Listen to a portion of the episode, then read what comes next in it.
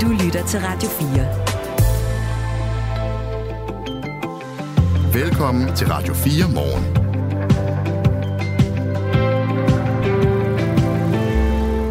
Vi har øh, lettet foden fra speederen. Vi er danske bilister. Vi kører langsommere på motorvejene. Det viser nye tal fra Vejdirektoratet. Og det gør vi formentlig for at spare penge. Spare penge på brændstoffet og på, øh, på strømmen også. Sidegevinsterne er, når vi kører langsommere, bedre sikkerhed på øh, motorvejene og øh, bedre miljø også omkring os. Måske nok øh, det her er morgens mest positive nyhed. Det, det tænker jeg faktisk, det, det er. Til gengæld så var det på ingen måder positivt for 34-årige Charlotte Skel Brøndum Bækker fra Aarhus, da hun for nylig endte på hospitalet med ubehag og vejrtrækningsproblemer efter en bytur. Hun er overbevist om, at hun er blevet udsat for drugging, altså at nogen har puttet stoffer i hendes drink. Hos skiftlinjen der oplever de, at flere og flere henvender sig med mistanker om drugging, og det er der, vi begynder Radio 4 morgen lige om lidt. Vi skal også tale om øh, energi, for øh, temperaturen falder lige så stille, og vi skal igen, igen tænke over vores energiforbrug. Igen, siger jeg, for øh, sidste vinter, der blev vi tudet ørerne fulde om det. Vi står midt i en energikrise. Mange er begyndt at ændre vaner. Men hvis vi alle skal gennem krisen, er der brug for, at vi gør en ekstra indsats. Wow, en, øh, en dyster kampagne sidste Ja, år. Husker du? Var det så dystert egentlig? Ja, var det ikke det? Jo, Altså, jeg tænker, at vi landet var øh, sådan enormt optaget af alle de her energipriser, ja. og man tjekkede øh, energiprisen hver eneste gang, man skulle sætte en lille bit kogevask over. Eller noget. præcis. Stod op midt om natten, hvis ikke man havde en timer. Vi skal øh, stadig spare på energien, selvom vi trods alt ikke står i øh, helt samme dystre energikrise som sidste år. Radio 4 Morgen øh, analyserer energisituationen øh, nu her, hvor vi står sådan lige med øh, udsigt til, at det snart bliver rigtig vinter. Og det gør vi her til morgen. Og du lytter altså til Radio 4 Morgen, og den her morgen, der er din værter Christina Ankerhus og Michael Robach, og du kan som sædvanligt deltage på sms'en på 1424, altså skriv til os, hvis du har kommentarer til det, vi laver, eller spørgsmål til de kilder, vi taler med, så er postkassen åben på 1424. Godmorgen, Godmorgen. klokken er 6.07. Det her er Radio 4 morgen. Et opslag om drugging er over de, sine, øh, over de seneste to døgn blevet delt mere end 1000 gange på Facebook og liket af mere end 8.000 på Instagram. I opslaget der skriver 34-årige Charlotte Skel Brøndum Bækker fra Aarhus, at hun har en stærk begrundet mistanke om, at hun på en bytur blev udsat for det, der hedder drugging. Det er et begreb, man bruger, når man mod sin vilje er blevet forgiftet ved, at nogle andre mennesker har puttet stoffer i ens drink. Charlotte øh, Skel Brøndum Bækker skriver blandt andet på Facebook. Kære dig, som valgte at drukke mig sidste weekend, denne aften ramte du over målet med din dosering. Jeg blev ikke blot mere afslappet, opstemt og fik en følelse af lykke og velvære, som muligvis var din intention ved at komme GHB i min drink. Du gav mig en overdosis, så jeg gik fra at have en dejlig aften til at ende i en ambulance, bevidstløs med åndedrætsproblemer. Sådan øh, skriver altså Charlotte Skel Brøndum Bækker, og hun er langt fra den eneste, der har haft sådan en oplevelse her. Og jeg kan sige, at vi taler senere på morgen med, med Charlotte her. Men først skal vi tale med Dorte Friis Palmqvist, som er overlæge ved Giftlinjen. Godmorgen. Godmorgen. Oplever I egentlig, at flere bliver øh, drugget i øh, nattelivet? Ja, vi øh, oplever desværre fortsat, at folk øh, ringer ind til os, også med en stigning, hvor de mistænker, at der er nogen, der har puttet et lægemiddel eller et rusmiddel i deres drink. Jeg skal lige huske at sige, at vores tal øh, ikke er bekræftet med efterfølgende blod- eller urinprøver. Så det vil sige, det er, hvad folk selv fortæller, altså deres egen formodning om, at øh, de er blevet forgiftet på en eller anden måde. Ja, og vi havde øh, maks antal henvendelser sidste år med over 500. Jeg, jeg, jeg kan nemlig se, at jeg har fundet nogle tal her. Altså i 2015, der fik øh, giftlinjen 95 opkald om øh, den her slags sager, og i øh, 2022, altså sidste år, der var tallet steget til 535. Har du en idé om, hvorfor tallet er så stort? Jamen, måske er der en stigning i, øh, i øh, tilfælde, hvor folk bliver drukket. Eller det kan også være fordi, at der er blevet mere opmærksom på det, hed på det, at øh, giftlinjen har været i medierne flere gange, og vi har opfordret folk til at øh, tage det alvorligt, til at anmelde det til politiet, og sagt, at man kan ringe ind til os med råd og vejledning. Hvilke symptomer er der oftest øh, hos de her folk, som er blevet forgiftet? Jamen, de deler sig lidt i to grupper. Den øh, ene type, der øh, tyder det på, at man har fået et bedøvende rusmiddel eller lægemiddel i sin drink. Man angiver, at man måske har drukket to til tre øh, genstande, og så oplever man en anden beruselse end den, man kender fra alkohol. Meget hurtigere og meget kraftigere, og den er anderledes. Og øh, ofte bliver man meget bevidsthedspåvirket, og nogen kan have hukommelsestab for meget aften. Nogen vågner op andre steder end der, hvor de var sidst, hvor de kan huske noget, og det er jo meget bekymrende. Så er der den anden type, det tyder mere på, at man har fået et centralt stimulerende rusmiddel i sin drink, eller noget, der gav hallucinationer. Der fortæller folk, at de agerede anderledes, end de plejede. De, de øh, gjorde måske noget, som de normalt vil synes var grænseoverskridende. Nogen bliver meget udadvendte, nogen bliver øh, aggressive, nogen kommer op og slås, nogen nogle tilfælde, der betyder det faktisk, at man på den bar, eller de har været, at der bliver man nødt til at tilkalde politiet. Og folk virker meget, meget ked af det dagen efter. Og typisk vil vennerne sige, du var fuldstændig anderledes end den måde, jeg kender dig på. Og så skal jeg sige, at det er de første tilfælde, som vi ser flest af, altså der, hvor folk får en anden beruselse, de bliver meget mere bevidsthedspåvirket, end de kender det, i forhold til alkohol, og det står ikke mål med den mængde alkohol, de mener, de har drukket. Men så skal man også lige huske på, at, at de her symptomer kan jo også ligne det, man opnår, hvis man drikker for meget alkohol. Så jeg kan jo heller ikke udelukke, at nogle af vores tilfælde blot betyder, at, at unge mennesker har drukket for meget alkohol ude i nattelivet. Men det i sig selv er jo også bekymrende. Hvad gør man egentlig for at afklare, om det er... Fordi jeg skulle nemlig også lige til at gribe fat i det, du selv siger. Altså nogle gange, det har jeg da også selv oplevet, og så kan man lige pludselig blive vanvittigt fuld af et eller andet, måske fordi man har fået for lidt at spise, eller man er søvnig, eller der er et eller andet andet, som influerer på det, og så bliver man meget mere fuld, end, end man plejer at blive af tre eller fire eller fem genstande. Altså, hvordan afgør man egentlig, om folk er beruset, eller om de er blevet drugget? Jamen, så kræver det jo, at man får taget en, øh, en blodprøve. Og når vores sygeplejersker taler med borgere, der ringer ind, så som det første, så øh, vurderer de, om den her person har brug for akut lægehjælp. Fordi så skal man jo ind og have hjælp til måske at trække vejret. Og nogle tilfælde er faktisk så grælde, at folk bliver nødt til at komme på intensiv og få hjælp til at trække vejret i en respirator. Så et, har de brug for akut lægehjælp. Så to, så spørger vi ind til, om der er mistanke om et seksuelt overgreb. Fordi så skal folk henvises og have hjælp til det. Og så som det sidste, så øh, anbefaler vi altid, at borgeren ringer til politiet og anmelder det på mistanken. Fordi det er vigtigt, at man så, at for det første, at, at øh, man som samfund får fokus på det her, finder ud af, at det er noget, der sker hyppigere, og for det andet, så kan politiet så begære nogle forgiftningsprøver, hvis de ligesom vil gå videre med sagen. Mm. Drugging er en betegnelse for at blive forgiftet ved at få puttet noget i sin drink, og ifølge Sundhed.dk der anvendes det øh, ofte lugt, farve og smagsløse, hurtigt virkende stoffer. Og lige nu der taler jeg med Dorte Friis Palmqvist, som er overlæge ved giftlinjen. Er det egentlig mest kvinder, der bliver udsat for det her? Altså, vi har gjort vores tal op for 2021, og der viste sig, at det faktisk var en, en tredjedel mænd, der ringede ind til os. Mm. Og det overraskede os lidt. Mm. Men dermed jo ikke sagt, at det så er en tredjedel mænd, der oplever drugging, og to tredjedel kvinder, fordi det kan jo også være, at mænd synes, det er mere grænseoverskridende og snarere ringer til os. Men, mm. men det er alligevel ret mange mænd, vi så ringede til os. Ja, jeg tror, at de fleste af os har en forestilling om, at det er noget, øh, kvinder bliver udsat for. Har I en idé om, hvad motivet er? Nu går vi sådan lige over på den anden side af skrivebordet, og man så må sige, hvad motivet er for at drugge andre. Altså, hvad, hvad, hvad er jeres erfaringer med det?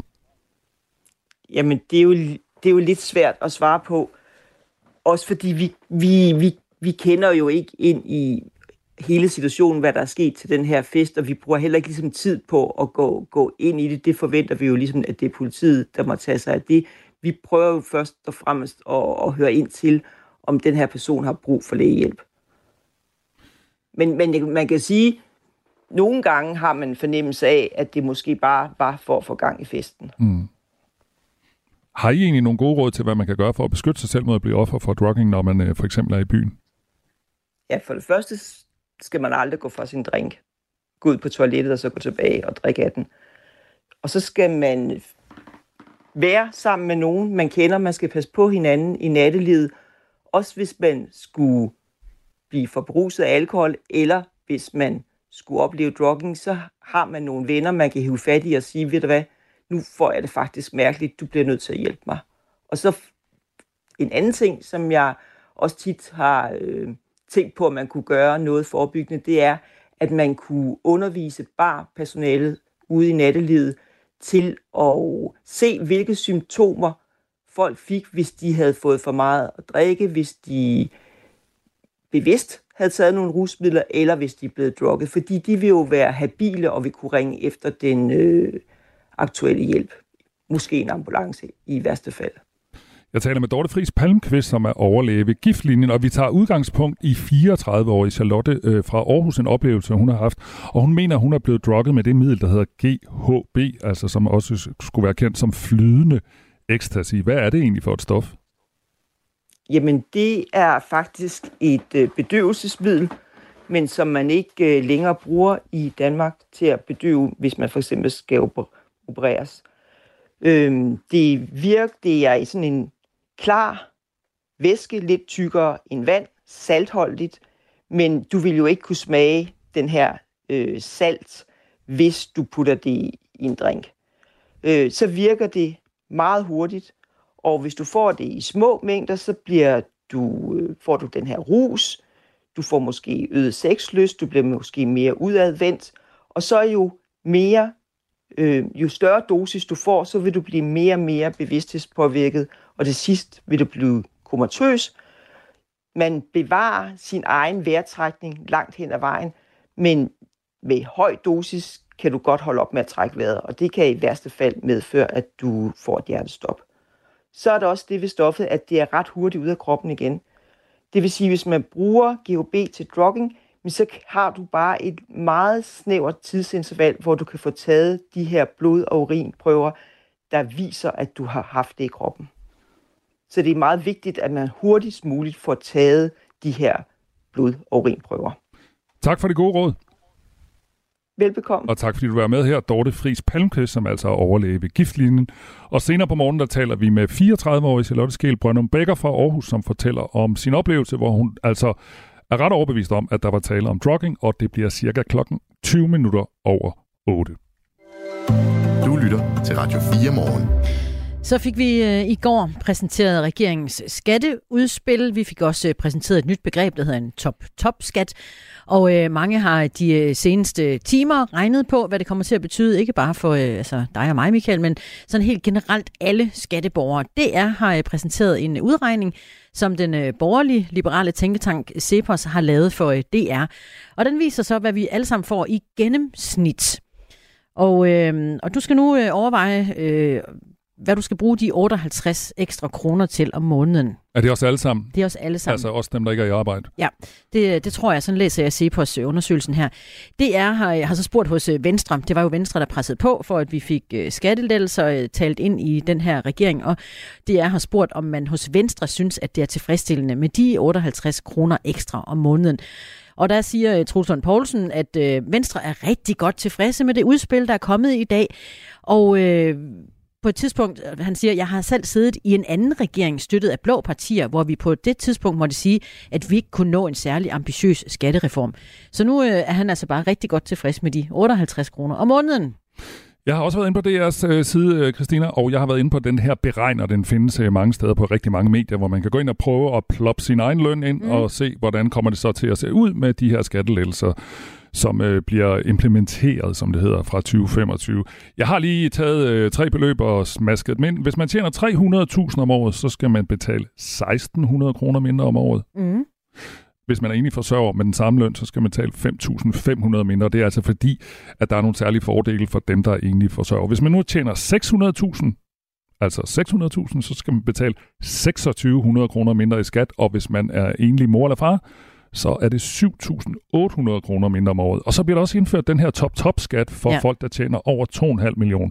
Så jeg har også lige prøvet beregneren på en, der tjener 3 millioner. Det er der ikke så mange, der gør, men der er dog nogen. Mm. Hvis man har sådan en fed hyre, så skal man betale mere så skal man betale 11.300 kroner mere i skat om året, og hvis man er enlig mor eller far med sådan en god løn der, så skal man betale 6.100 kroner mere. Og det er altså øh, alle de her tal er ifølge DR's beregninger, og øh, beregner, beregner, som det hedder, og man kan selvfølgelig gå ind og tjekke øh, sin egen løn, og de her beregner, de findes på de fleste mediers hjemmeside. Top-top-skatten er øh, ganske enkelt helt håbløs. Det siger Henning Borg Hansen, der er chefkonsulent og skatteekspert hos øh, BDO i øh, København, et øh, statsautoriseret revisionsaktieselskab. Helt håbløs, siger han, og det uddyber han for os om en 20 minutters tid her i Radio 4 morgen. Du lytter til Radio 4. Temperaturen falder. Vi øh, skriver 7. november, og øh, vi kommer til igen at skulle øh, tænke over vores energiforbrug. Og igen, det siger jeg jo, fordi at det hørte vi også for et år siden. Vi står midt i en energikrise. Mange er begyndt at ændre vaner. Men hvis vi alle skal gennem krisen, er der brug for, at vi gør en ekstra indsats. Og sådan øh, lød det i øh, kampagner for et år siden. Øh, ret dystert, synes jeg nok. Vi skal også spare på energien i år, selvom vi ikke står i øh, samme dystre energikrise, som øh, vi gjorde for et år siden. Og i skriftligt svar til Radio 4 Morgen, der øh, skriver Martin Hansen, der er vicedirektør i Energistyrelsen. Vinterens forsyningsscenarie ser mere stabilt ud end sidste år på denne tid. Selvom gaslagerne er næsten fyldte, og vi fortsat ser besparelser på energiforbruget, kan en kold vinter stop for import af russisk gas eller et stigende forbrug af naturgas i Asien påvirke forsyningssituationen. Derfor er det væsentligt, at vi både i Danmark og resten af Europa sparer på energi. Spørgsmålet er så bare, hvor, øh, hvor meget vi skal spare på energien. Anders Overvad, chefanalytiker i øh, Tænketanken Europa. Godmorgen. Godmorgen. Hvordan er energisituationen lige nu og her, hvis nu vi sammenligner for, øh, med for et år siden? Ja, meget, meget bedre. Mm. Vi står i en helt anden situation, og det gør vi også, fordi at der var rigtig mange andre ting end Rusland, der modarbejdede os sidste år. Der havde vi også et problem med, at den øh, franske atomkraftpark øh, var under kraftig renovering og manglede vand i floderne til at nedkøle reaktorerne. Og dertil så har det ikke regnet så meget i Norge, som det plejede, så derfor var der heller ikke den produktion for vandkraft deroppe. Så det var et, et scenarie, hvor næsten alt, der kunne gå galt sidste år, det også gik galt. Og der er vi heldigvis ikke i år.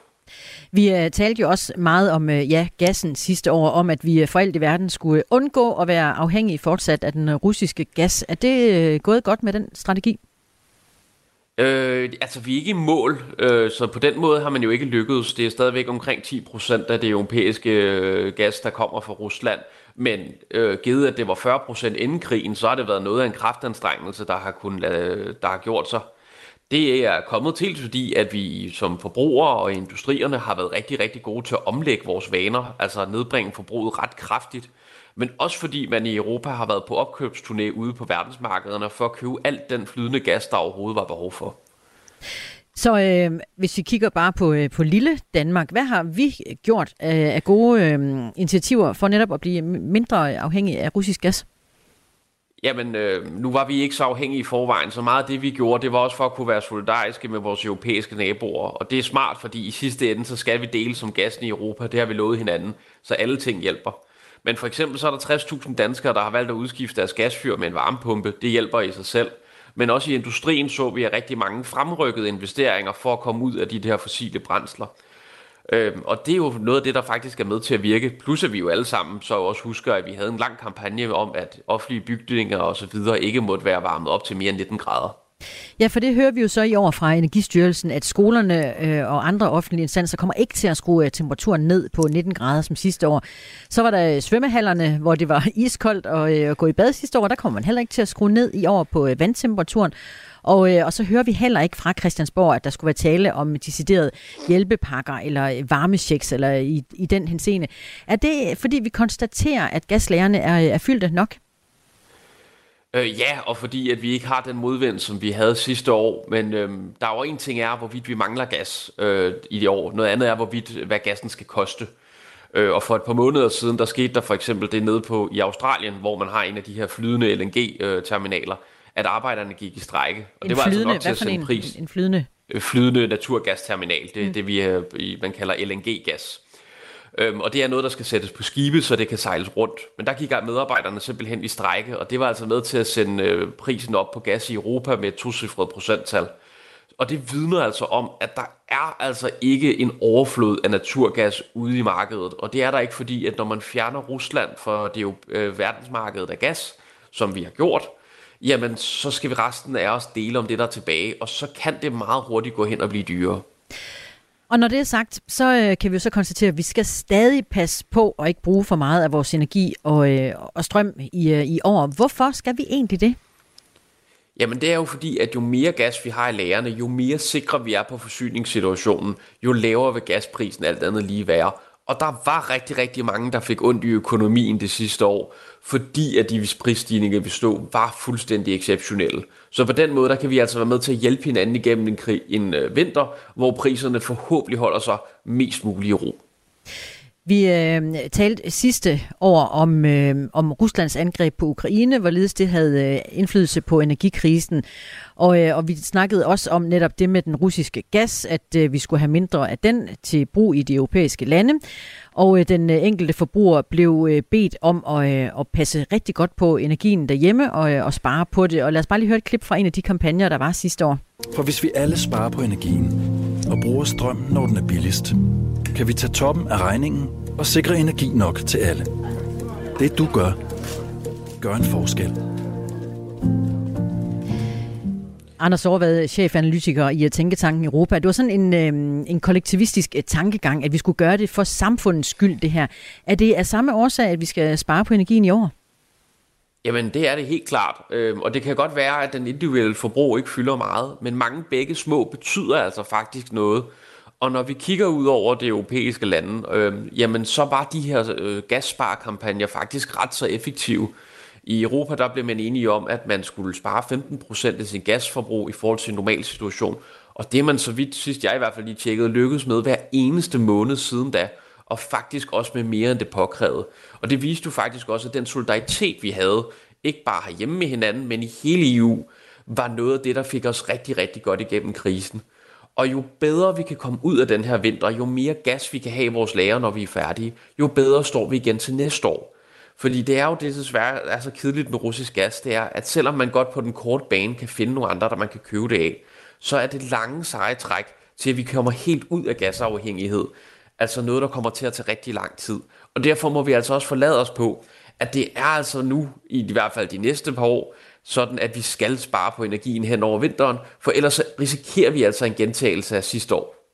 Og det var lige præcis hen over efteråret, at vi øh, lærte diverse energispare-apps at øh, kende. Vi hentede dem ned på vores telefoner, vi fik øh, timeren på vaskemaskinen, den lærte vi pludselig at kende, og så videre, og så videre. Er det øh, den samme vinter, vi kigger ind i den her gang? Bør vi gøre det samme?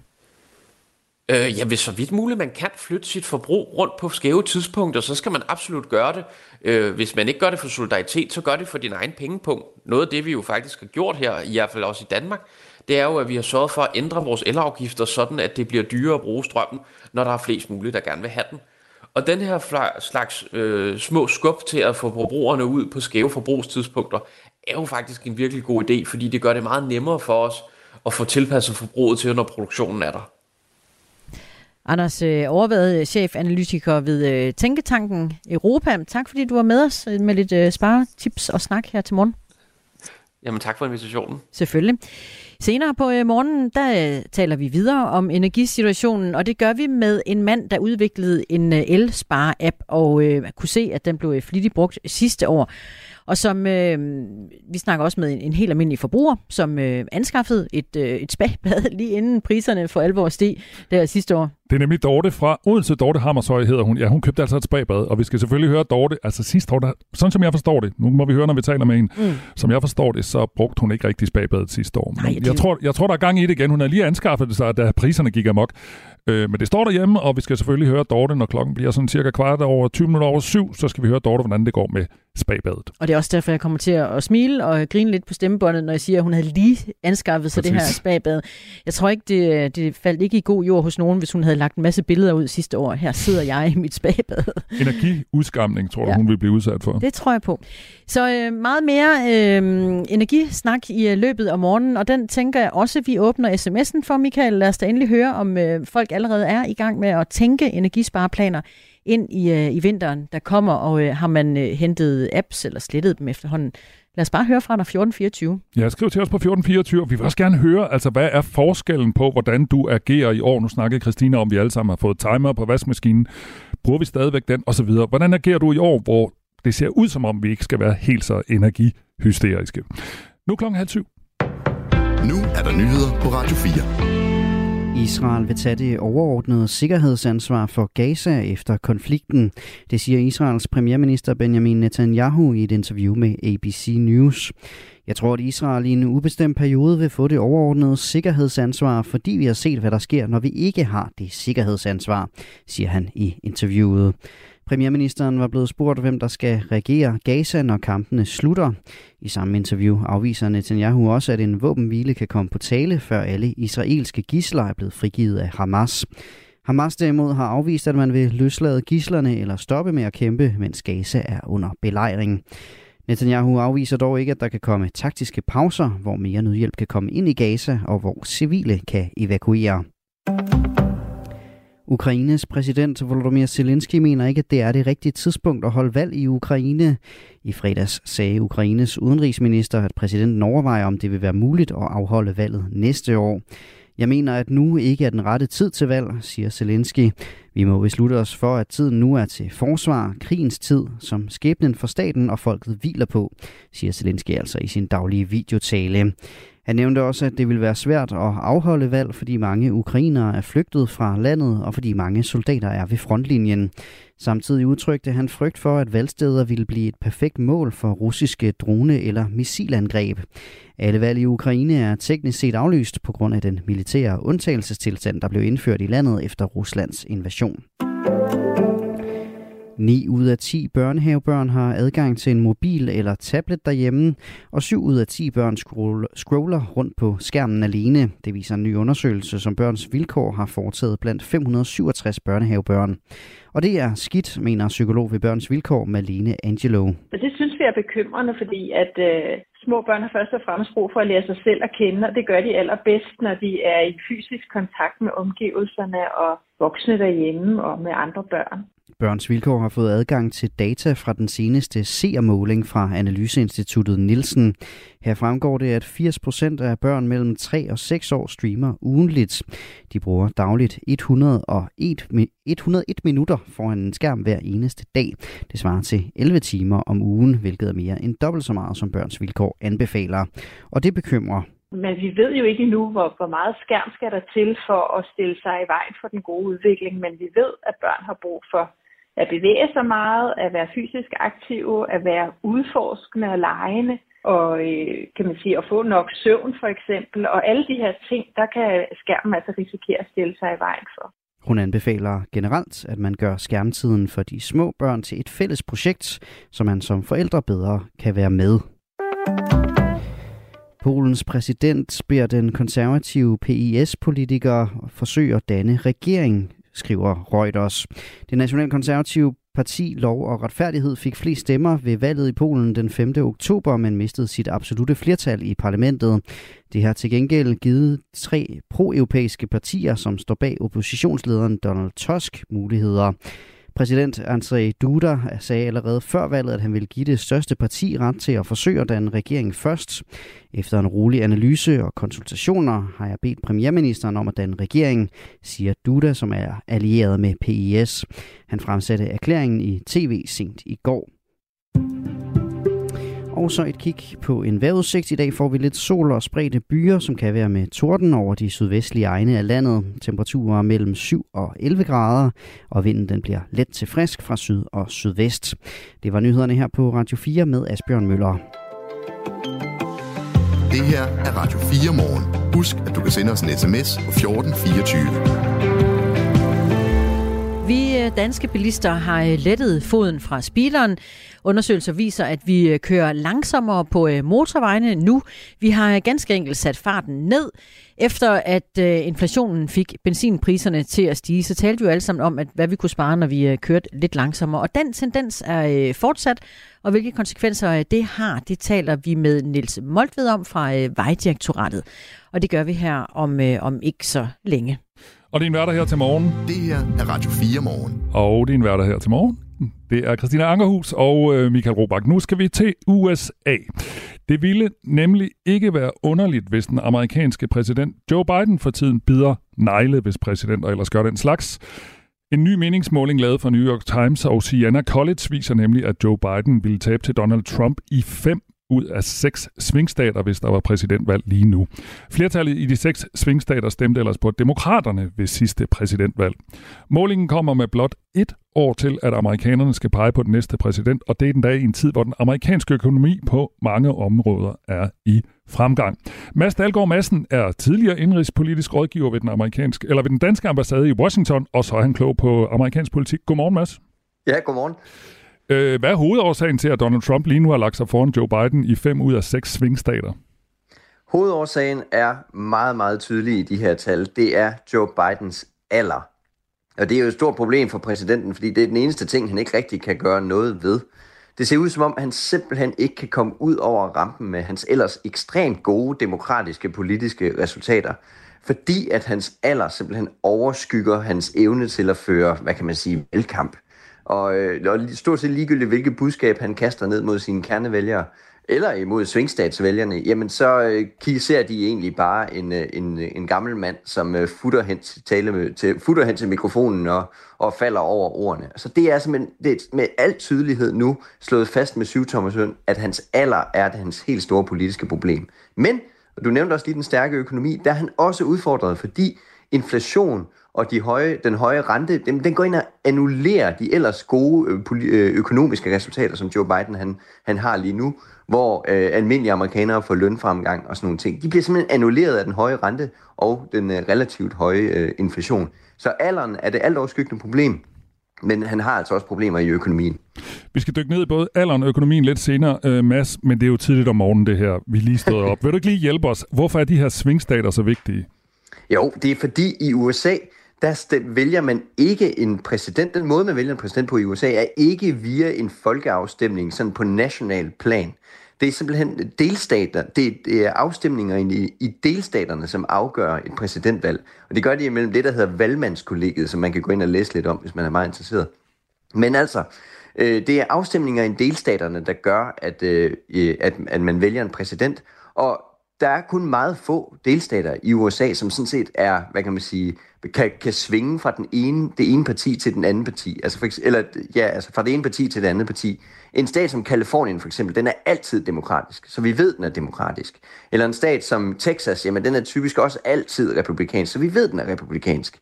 Så der er altså kun meget få stater, som kan svinge fra den ene side til den anden side. Og det er de her stater, som man nu har fået målinger på, som er altafgørende for et præsidentvalg. Det er sådan set, at et præsidentvalg foregår kun i 10 delstater i USA.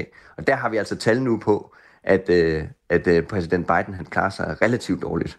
Tak for den faktaboks, øh, Mads. Så er vi klædt på til at forstå resten af interviewet. Du, du sagde lige før, i forhold til hans alder, altså, jeg tror, du brugte ordene, han har ikke evne til at føre valgkamp. Altså, er han så gammel, så, så der er simpelthen ting, han ikke kan? Eller hvad mener du Nej, det er, det er der ikke. Det er simpelthen fordi, der er ikke, der er ikke noget, han ikke kan som sådan. Øh, men men da, da han, han er faldet ned i en rille nu, hvor han har fået markatet gammel på sig. Mm. Og det kan man jo godt tilgive folk, at man har puttet det markat på ham, fordi han ser jo også gammel ud. Han laver også nogle ting, som er falde over ordene. Det har han ført altid gjort. Og han falder over trapper, og han, han, øh, han, han futter sådan på sådan en gammelmands måde hen til talemikrofonen. Alt sammen, fordi han er blevet gammel. Men også alt sammen ting, som hele tiden bliver læst ind i det her brand om, at han er gammel. Så når han selv laver sådan en talefejl, som en hvilken som helst politiker gør, øh, på et eller andet tidspunkt, jamen så bliver det talt ind i det her større narrativ om, at han er gammel, han er måske grænsen til senil, øh, han øh, har ikke de mentale evner til at være præsident. Det er i hvert fald mistanken, når den amerikanske befolkning ser på, på Joe Biden. Og den usikkerhed i sig selv, den, øh, den begynder nu at være så stort et politisk problem for ham, at han næsten kan tabe valget i 2024 på den. Mads, nu hverken du eller jeg er jo gerontolog, tror jeg det hedder, hvis man er speciale i ældre mennesker, men jeg har selv sådan en fornemmelse, når jeg ser ham i fjernsynet, at det er gået lidt stærkt det seneste år. Er det også sådan, du ser det, altså at han jeg er blevet lidt gammel her, altså det går stærkt med at blive gammel?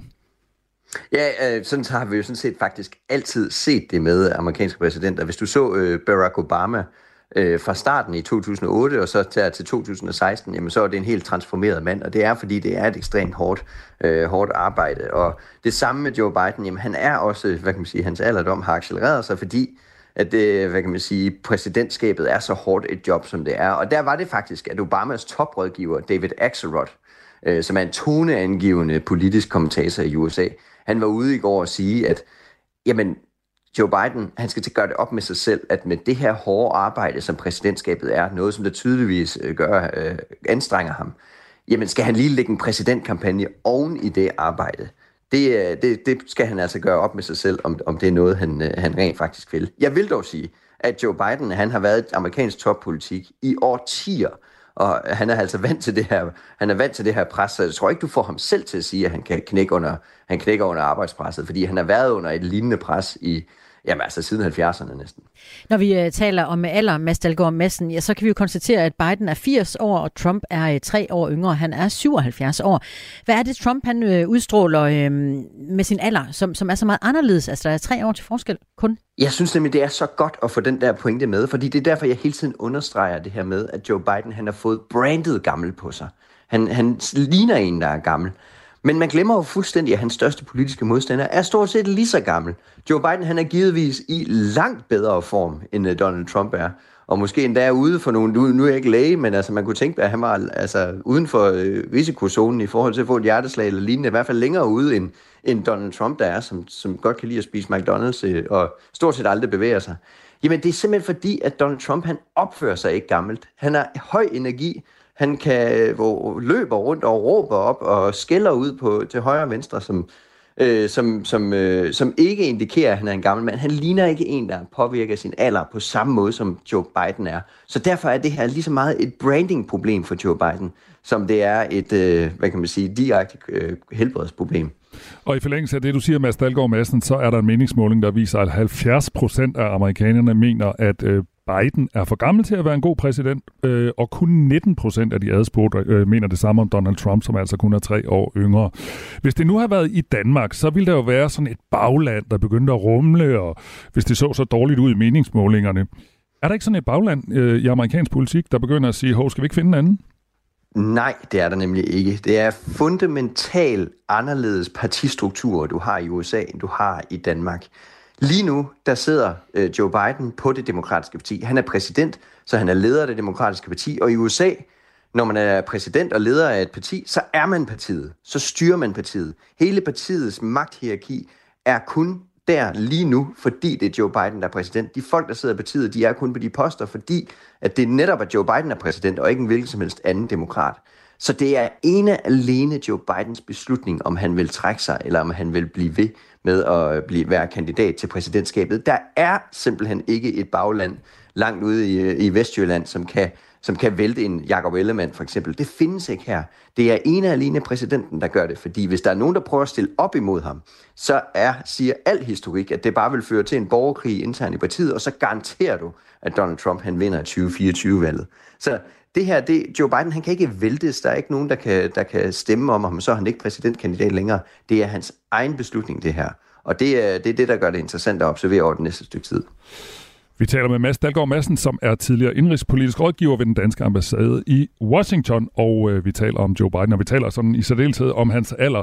Kunne man egentlig forestille sig, Mads, at hans kone Jill eller andre tæt på sagde, ved du hvad, gamle dreng, drop det der. Altså, er der en eller anden forlydende historier om, at han måske ikke stiller op, eller er det bare 100% sikkert, at han stiller op? Øh, lige nu, altså ifølge ham selv, og så skal han selvfølgelig sige, at han stiller op, men der er den her, bare det, at den her diskussion, den eksisterer, og den eksisterer der i, i Washington lige nu. Øh, David Axelrod, som jeg lige nævnte, han gik ud i går og, og satte spørgsmålstegn ved præsident, øh, ved, om Joe Biden han skulle genopstille. Vi havde en længere øh, for, for en måneds tid siden, som er en meget toneangivende politisk kommentator også, der, der David Ignatius, som er demokrat helt ind til knoglerne, som sagde, at det er nok bedst, at, at, at øh, Joe Biden han ikke genopstiller. Så der, der er den her diskussion, den eksisterer, og så længe den eksisterer, jamen, så vil han blive stillet det her spørgsmål, og så vil demokraterne blive mere og mere usikre på, om de overhovedet får muligheden for at komme over aldersproblemet, og rent faktisk begynde at tale, øh, tale politik. Og så kunne man forestille sig, at hans nærmeste rådgiver måske vil komme til ham og sige, at det her, det er jo måske et, et spørgsmål om personlig ære, at du bliver ved med at stille op, og ikke, hvad kan man sige, det dem, øh, amerikanske demokratis ved og vel, som, som du har for øje her. Så hvis den her diskussion bliver ved med at være der, og hvis han ikke lykkes med på en eller anden måde at vende den øh, nedadgående spiral, jamen, så, kan det, så kan der være et tidspunkt, hvor han bliver påvirket så meget, at han selv træffer beslutningen om ikke at genopstille. Men igen, det er ham selv, der skal træffe den her beslutning. Der er ikke nogen, der kan træffe den for ham. Så det er bare et spørgsmål om at, over, øh, om at overtale ham, kan man sige. Øh, men der er ikke noget i en amerikansk toppolitiker, og i særdeleshed ikke Joe Bidens historik, der peger på, at han er en mand, som mener, at der er en anden, der kan gøre arbejdet selv. Fordi hvis han gjorde det, så ville han slet ikke være der i første omgang. Lad os lige øh, slutte der, hvor vi begyndte med, altså med økonomien, fordi du sagde, at der er mange ting, der egentlig går godt, men så er der øh, inflationen, som går rigtig skidt. Altså, er der nogen og, og i øvrigt så er, er det jo tit amerikansk økonomi, som vælgerne øh, kigger på, når de sætter deres kryds. Er der, er der noget, der tyder på, at uh, ting kan rette sig, eller på anden vis, så den her, uh, de her gode ting, som uh, der er sket med økonomien under Biden, at det kan blive sådan en, uh, en styrke for ham? Ja, det er der. Fordi, at, som jeg sagde, de økonomiske tal, så Øh, de økonomiske tal er sådan set fundamentalt set gode for Joe Biden. Det er bare inflationen, særdeleshed inflationen, der går ind og annullerer de her fornemmelsen af, at der er et opsving i det amerikanske økonomi. Og den her meningsmåling, som kom fra New York Times, jamen den har sådan set blevet taget på det tidspunkt, hvor at, øh, den amerikanske befolkning har haft mest, det mest alvorlige og mest bøvlede bøvl med inflationen. Øh, så, så det er også der, den amerikanske befolkning er mest pessimistisk omkring inflationen. Og der er et helt år til det her valg, og der kan inflationen nå at rette sig, så hvad kan man sige, den gode, de gode dele af den amerikanske økonomi ligesom kan boble op til overfladen. Så han kan håbe på, at inflationen går væk i forhold til 2024-valget. Må jeg, jeg lige hurtigt må sige også, ja, så amerikanske præsidenter har altid den dårligste meningsmålinger på det nuværende tidspunkt i cyklusen.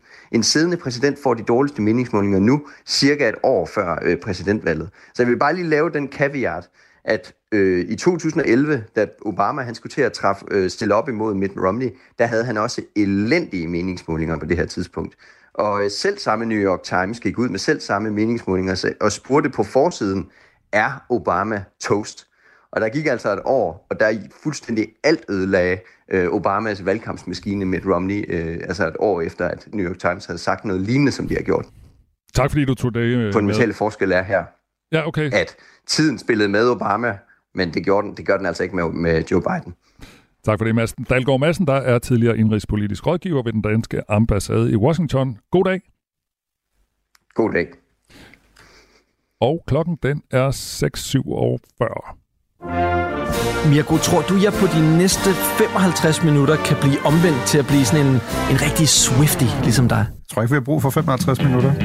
Only in America er Danmarks eneste program dedikeret udelukkende til amerikansk kultur. Er det nu, at vi sætter Crime River på? Ja, det tror jeg ikke, vi skal gøre, fordi... Øh... Er den sang blevet cancelled, eller hvad? Hver uge opdaterer Frederik Dirk Gottlieb og Mirko Reimer Elster, der på det vigtigste, vildeste og mest vanvittige fra Guds eget land. Det tror jeg, det, det, tror, det kommer til at ske. altså, jeg tror, at Justin Timberlake er blevet toxic. Lyt til Only in America hver torsdag kl. 14.05. Radio 4. Ikke så forudsigeligt. Vi er begyndt at køre langsommere på øh, motorvejene, viser nye tal fra Vejdirektoratet. Niels øh, Moltved, projektleder i øh, Vejdirektoratets afdeling for trafikstatistik. Godmorgen.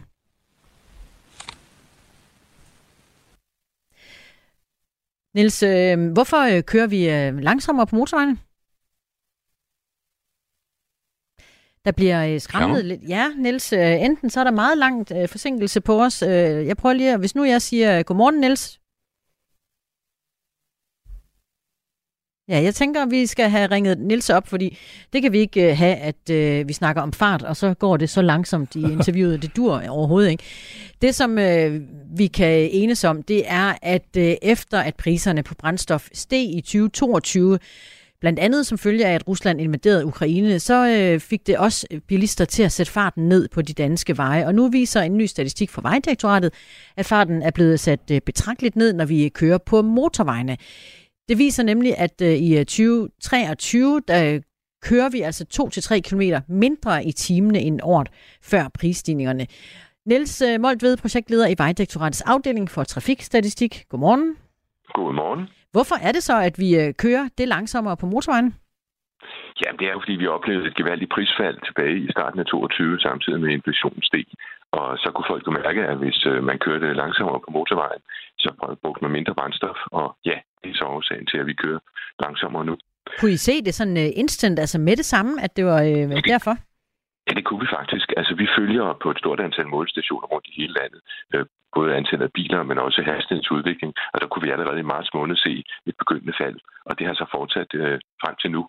Øh, og vi ligger altså nu de her 2-3 km lavere. Og det gælder faktisk stort set alle vores vejkategorier herhjemme.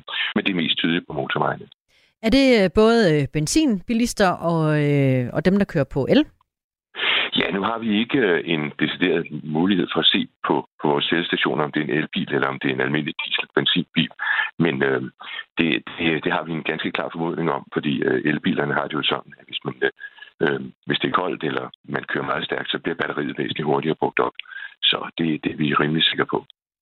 Og det vi taler om, det er altså en 2-3 km mindre i øh, timene end øh, åren før vi øh, mærkede prisstigningerne.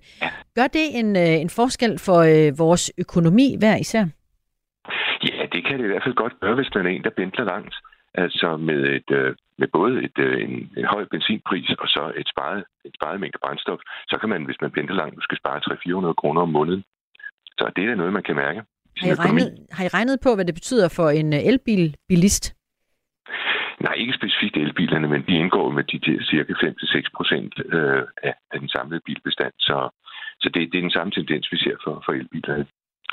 Det er Niels Moltved, der er med os, projektleder i ja. Vejdirektoratets afdeling for trafikstatistik, fordi I øh, konstaterer, at vi altså øh, har holdt fast i at køre lidt langsommere på øh, alle ja. veje, fortæller du. Men er ja. det især på motorvejene, eller hvordan fik du sagt det?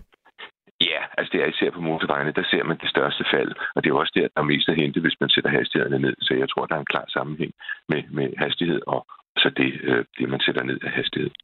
Og det åbenlyse er, at vi øh, sparer lidt i privatøkonomien, når vi bruger mindre brændstof og, øh, og mindre el til vores elbiler. Men hvilken ja. betydning har det for, for vejtrafiksikkerhed? Jamen, det øger trafiksikkerheden. Der er en klar sammenhæng mellem den hastighed, vi kører med, og det antal ulykker, og især alvorligheden af de ulykker, der sker. Så det er glædeligt, når vi kører langsommere. Er, er det en øh, tese, at det hænger sådan sammen, eller har I også målt og vejet på det?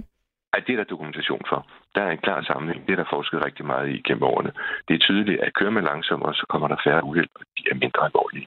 Og ses det decideret her nu, efter at de konstaterer, at vi kører langsommere efter inflation og energikrise osv.? Ikke så voldsomt endnu. Der er altid en vis forsinkelse på uheldsstatistikkerne, men, øh, men der er, der er en, en trend, der peger i den retning. Det er der. Niels Moltved, øh, når det er et, øh, det er jo et gennemsnit, I har, I har målt på her. Ja. Og jeg tænker, at der må også florere en vis form noget usikkerhed om, omkring de tal. Altså kan det være nogle få, der kører meget langsommere, og andre, der kører som de plejer, eller hvordan hænger det sammen? Nej, Øh, Øh, det, øh, det er det ikke, fordi vi har målt nu i snart to år de her lavere hastigheder, og der er et pænt stort antal køretøjer, der passerer på de enkelte steder. Så vi er rimelig sikre på, at det her det er ikke bare nogle enkelte køretøjer, der kører meget langsomt. Og så er der jo endelig det ved det, at vi sorterer alle de tidspunkter fra, hvor der er trængsel i trafikken. Så det er bilisternes eget frie valg, vi, vi måler, og det vi, vi udgiver med de her grafer. Jeg sidder på den anden side af bordet og holder øje med vores postkasse, fordi vores øh, lytter skriver flinkt ind på 1424. Der er en, der hedder Lasse fra Gentofte, der har et spørgsmål til dig. Han skriver, ja. i, i samme periode fik politiet også nye ATK-vogne, ja. ja, som kan tage billeder bagfra, og som øh, kan skjules, så, øh, at, så de er umulige at opdage. Kan det ikke også spille ind i hastigheden? Jo, det vil jeg tro, det kan, men det har vi ikke umiddelbart nogen tal for på nuværende tidspunkt. Men vi har et samarbejde med politiet omkring det her, så jeg forventer, at vi får en, en, en belysning af, hvad effekt det har med, med kameraer bagfra. Jesper, han øh, spørger også til, om det rent statistisk har nogen indflydelse, at der måske er kommet flere biler på øh, motorvejen i den periode, som I har målt på? Uh, nej, det er det ikke, fordi det er jo gennemsnittet af dem, der kører jeg tror ikke, at øh, antallet af køretøjer, og det er jo heller ikke så voldsomt mange flere, der er kommet, det tror jeg ikke spiller en stor rolle. Vi har, vi har et godt materiale, der belyser, at hastigheden er faldet. Ingen tvivl om det.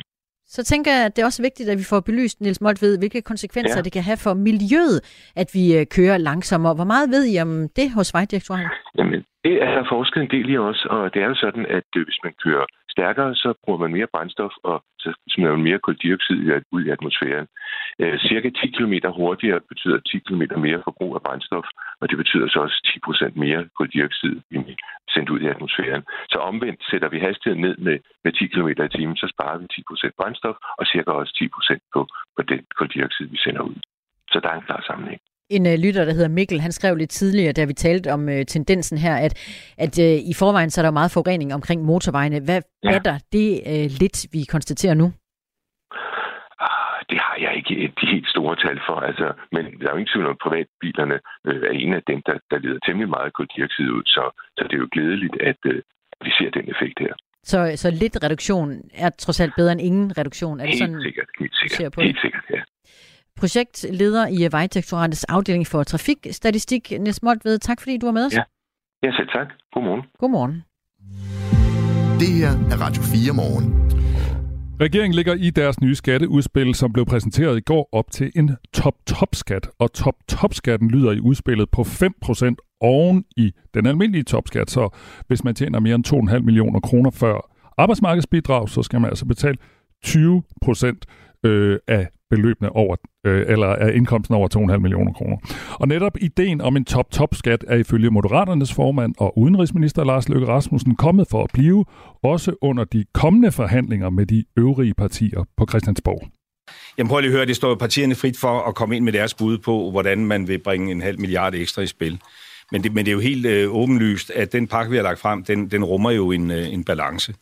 Øh, jeg er ikke selv stor tilhænger af, at alt skal vejes af på Gini-koefficient, men altså, det er jo et af de øh, målemetoder, man har. Og, og regeringen kommer til at stå vagt omkring den her balance. Så hvis man forestiller sig den teoretiske mulighed, der kommer parti ind og siger, at vi køber det hele, øh, vi skal bare lige drøne de der, øh, den der halve milliard af på at fjerne top-topskatten, så bliver det nej tak herfra. Det tror jeg, vi er nødt til at sige. Sådan sagde altså Moderaternes formand og udenrigsminister Lars Lykke Rasmussen. Men top-top-skatten er helt håbløs. Det siger Henning Bøje Hansen, der er chefkonsulent og skatteekspert hos BDO i København, som er et statsautoriseret revisionsaktieselskab. Jeg synes grundlæggende, det er en dårlig idé, at man skal lovgive for, lille, for så lille en gruppe mennesker. Altså, vi taler om en gruppe på formentlig under 5.000 mennesker, og øh, de fylder mindre end 1% af alle dem, der betaler topskat i dag.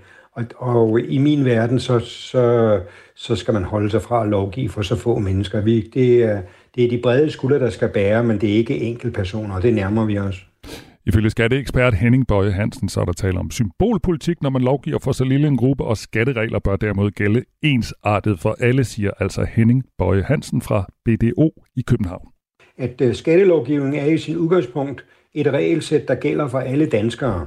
Det vil sige, at, at, øh, at, øh, at de ting, vi kan trække fra, de gælder både for, for store og for små, og, og øh, det gælder også på virksomhedsområdet, at skattereglerne, de gælder for alle typer virksomhed, uanset størrelse. Så, så, så udgangspunktet det er sådan set, at, at, at man laver ensartede regler, og, og det har vi også haft tradition for, øh, når det gælder selve skattesatserne. Øh, det, vi har jo i mange år haft, haft regler om den her topskat, Øh, vi har tidligere haft en mellemskat, og nu bliver den så genindført, den her mellemskat, og så supplerer man så med en, med en top-top-skat. Men det er en meget lille gruppe, som, som, øh, som den kommer til at omfatte. Og det er cirka 5.000 personer, som skatteeksperten anslår kommer til at skulle betale top-top-skat, og det vil være blandt nogle af landets direktører. Det er jo de øverste direktører i Novo Nordisk for eksempel. Det er de øverste direktører i, i Carlsberg, det er de øverste direktører i Danfoss og Lego og andre store virksomheder. Det vil sige, det er, det er direktører, som er ansat og som ikke øh, kan sammensætte deres øh, lønpakke på anden måde, øh, og, og derfor kommer de til at betale den her skat. Så er der så en anden gruppe, øh, så er der så en anden gruppe, nemlig det, som vi kalder hovedaktionærer. Øh, det er, det er virksomhedsejere, som driver deres virksomhed gennem et anpartsselskab eller, eller et aktieselskab, men hvor de ejer alle aktierne. De kan selv bestemme, øh, hvor meget de vil have hæve af overskud som løn, og hvor meget de vil hæve øh, som udbytte. Og for dem bliver der nu pludselig en interesse i måske at, at nedsætte deres løn, og så i stedet for at få noget mere i udbytte. Og det bringer dem så ud af top-top-skatten, og det tror jeg helt sikkert, at der vil være nogen, der gør. Og på den måde kan man altså sammensætte sin skat på en bestemt måde, men det er ikke øh, at omgå reglerne, siger Henning Borg Hansen. Altså den her mulighed for at sammensætte sin, sin øh, lønpakke og sin, sin udbytteindkomst, øh, den har sådan set været gældende alle dage. Øh, man kan bare sige, at med, med, at med den her top-top-skat, så, så er der nogen, der får et yderligere incitament til at kigge på, hvordan de sammensætter det, de, de, det, de hæver i deres, deres virksomhed. Og derfor så ser skatteekspert og chefkonsulent Henning Bøje Hansen i stedet hellere et skattesystem, der er sammensat på en helt anden måde. Jeg havde meget hellere set, at man havde så lavet flere trin på skatte, skatteskalaen, øh, i forhold til, øh, øh, hvor meget man skal betale i skat, så, så det var kommet mere rygvis, og så var det kommet til at omfatte øh, flere personer. Men når man ikke gør det, så er det fordi, der, der skulle ikke ret mange øh, øh, trin til før, at, at så havde det givet meget mere i, i statskassen, end det man ønsker med det her indgreb. Øh, det her er for mig at se, det er symbolpolitik, fordi det legitimerer bare øh, den øh, skattenedsættelse, som man giver til dem, der tjener mellem 6 og 750.000 kroner. Fortæller Henning Borg Hansen, chefkonsulent og skatteekspert hos BDO, et statsautoriseret revisionsselskab. Og så øh, blev klokken syv. Du har lyttet til en podcast fra Radio 4. Find flere episoder i vores app, eller der, hvor du lytter til podcast. Radio 4. Ikke så forudsigeligt.